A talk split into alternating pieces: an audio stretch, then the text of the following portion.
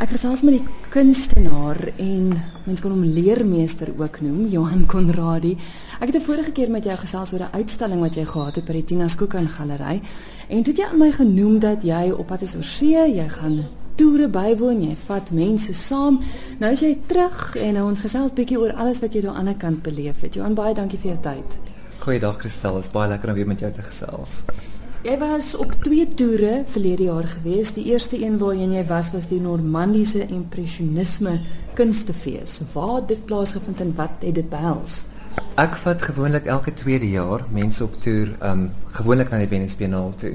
En daar is heelwat mense wat my gesê het hulle wil baie graag bietjie iets anders doen vir 'n slag. En toe het ek gehoor daar is die impressionisme um fees aan in Normandië in Frankryk. So ek het baie baie vinnig 'n groep van 21 mense bymekaar gekry en ek het vir almal akkommodasie gereël in Rouen, wat die hoofstad is van van Normandië. Gaan kyk basies na die werke en na, daarna is ons na Parys toe en ons het vir 8 nagte in Parys um gebly en ook gekyk na van die hoogtepunte van kunsuitstallings in Parys. Nou die eintlike toer waaroor ons vandag tog gaan praat is die 55ste Venesiese Biennale waarheen jy heel gereeld gaan. Die rede hoekom ook is as jy terugkom dan stel jy gewoonlik 'n aanbieding saam om vir die wat nie bevoorreg genoeg was om daar te kon wees nie tog te wys wat te sien was by die Biennale. En dit het jy nou 3 keer gedoen by die Kunsvereniging van Pretoria en binne sekondes was dit omtrent vol bespreek gewees. Ek is baie baie oorbluf oor die reaksie. Daar's definitief 'n behoefte. Soos jy sê, nie almal is bevoorreg om saam te gaan nie. Ehm um, die groep is ook baie vinnig uitgeboek. So 'n manier vir mense plaaslik om dan ook blootgestel te word in internasionale kunststrominge mm. is dan om hierdie aanbiedings aan te bied met gepaardgaande notas wat vir mense verduidelik presies wat is aan die gang internasionaal. Van die Venesië Biennale is die pols van die internasionale kunswêreld dit bly nog steeds die mees autoritaire kuns-event in die wêreld. Dit is dan 'n ideale geleentheid om mense op plaaslik dan te wys. Wat wat is die visie van die Biennale?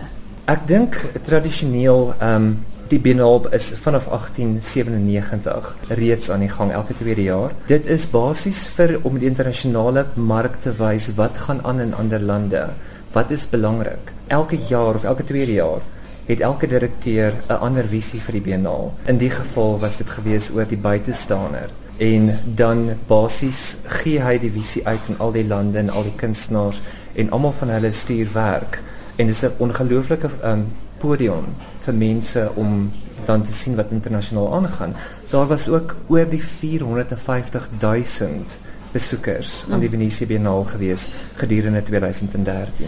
Want dit is nogal 'n biennale wat oor maande plaasvind. Korrek, dit is omtrent 4-5 maande wat dit aan die gang is en dit word ongelooflik besoek deur nie net uh, volwassenes nie, ook maar kinders, mm. skoolgroepe. Jy het my 'n paar van die foto's gewys wat jy dan ook vir die mense wys by die aanbiedings wat jy doen. En ek moet sê my mond het oopgehang oor van die kuns wat te sien was. Ek wil net met gaga vinnig oor 'n paar van hulle praat net om vir die luisteraars by die huis ook 'n idee te gee wat daar te sien was. Gou die begin. Die biennale is drieledig. Verduidelik net gou-gou vinnig wat's die verskillende uitstallings of of bene van die biennale.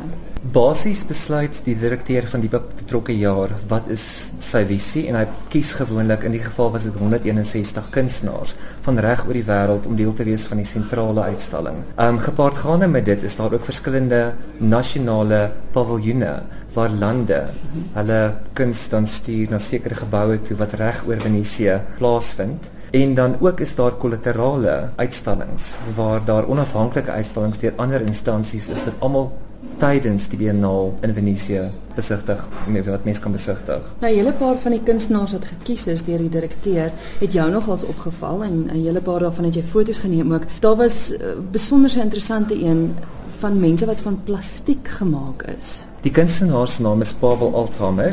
Hy kom van um, Poland af en hy sy pa was het 'n plastiek firma besit en nog steeds. En hy het 'n installasie gemaak van 90 beeldhouwerke. Hy werk basies met die fisiese liggaam teenoor die ontwykende siel.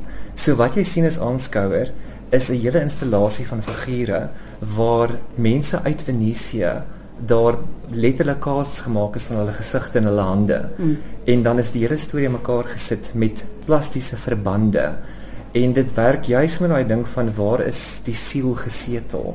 Is dit in hierdie wêreld, is dit in 'n ander wêreld? En dit was net 'n ongelooflike interessante installasie. Ja, want dit lyk asook 'n flardes wat half soort van mekaar die mens aan mekaar hou ook eintlik. Dis basies amper daai uitsakking van die liggaam wat die kunstenaar mee werk en dan die siel wat saam iewers um, tussenin is. Interessant genoeg is daar ook 'n kunstenaar ingesluit wat 'n spotprenttekenaar is. Wat nogals vreemd is vir 'n kunsbiennale. Die kunstenaar se naam is R. Um, Kram. Hy is 'n baie invloedryke spotprenttekenaar wat al wat besluit het om vir die biennaal al 50 um hoofstukke van Genesis uit die Bybel uit te illustreer. Hy het basies 'n hele 'n baie belangrike uitstalruimte beslaan in die arsenale gedeelte van die biennaal waar elke liewe oomblik uit Genesis geïllustreer is. Dit het hom basies 5 jaar gevat om dit aan mekaar te slaan en wat baie interessant is in die geval is dat die kunstenaar nie noodwendig baie godsdienstig is nie, hy het dit self verklaar. So mense het amper verwag dat hy gaan werk met allegorie mm. en aan die einde van die dag het hulle ongelooflike baie straight-faced um uitstalling gesien met die Bybel wat dan absoluut presies geïllustreer is volgens soos wat dit gebeur het. Moes ek ook 'n tydjie gevat het om daarna te kyk, né? Verseker.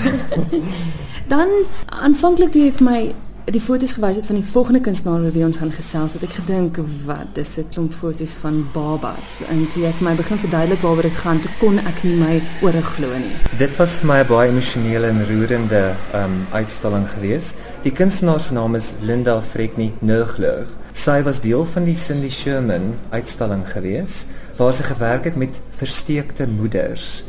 Basies het sy 1002 foto's um, gevat wat sy versamel het uit die Victoriaanse tydperk uit. Wat dit basies wys is po uh, portrette mm -hmm. van kinders.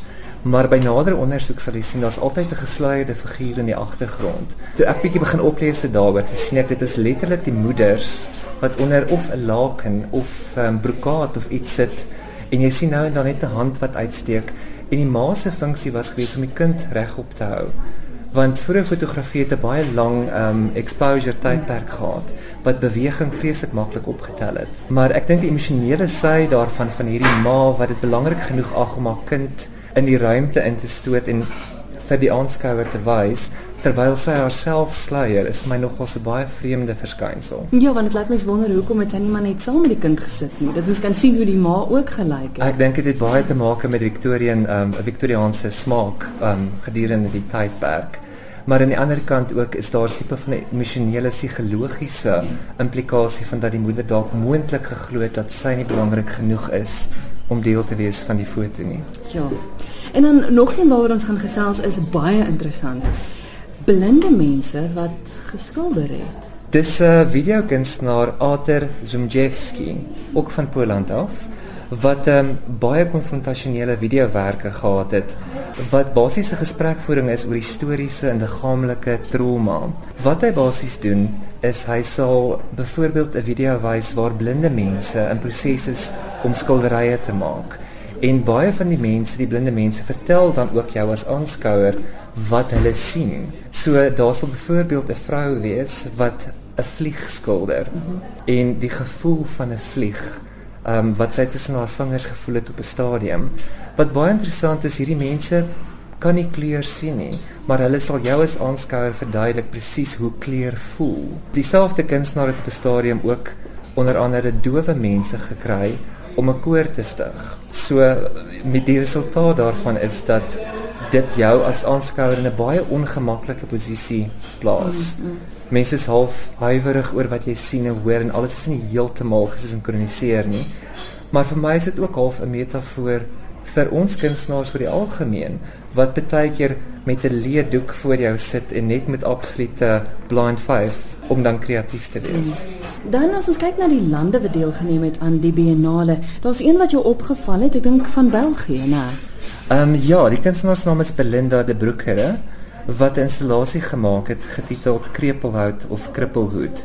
Dit is 'n basies 'n baie groot ehm um, ipa boom. In Engels noem mens dit um elm tree. Mm -hmm. Wat sy ge gevat het, dit lyk soos 'n ontwortelde seekat of een of ander beendere van mense wat voor jou lê. Dis omtrent 'n 30 meter groot beeldhouwerk. Die hele paviljoen waarin uitgestal is, is in duister gehul. So daar's 'n geweldige sinisterre amper surreële um, atmosfeer in die lug. Mm. Sy het ook saamgewerk met ehm um, Suid-Afrikaanse skrywer J.M. Coetzee vir die werk. Hy het 'n gepaardgaande teks basies geskep vir die beeldhouwerk. En dan as ons gou kyk na die kollektiewe uitstallings wat daar was, daar's twee werke wat jou opgeval het wat nogals heel interessant was. Die eerste kunstenaar baie baie baie treffende uitstalling is Rudolf Stingel.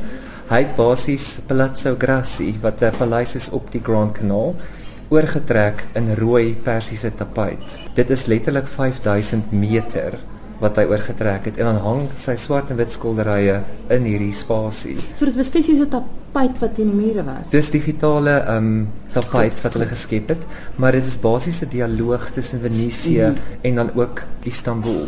En dan die die mees indrukwekkendste borduurwerk wat ek nog ooit in my lewe gesien het. Jy het vir my 'n foto daarvan ook gewys. Dit is van 'n kunstenaar uit 'n uh, een van die kollaterale um, uitstallings uit Voice of the Unseen.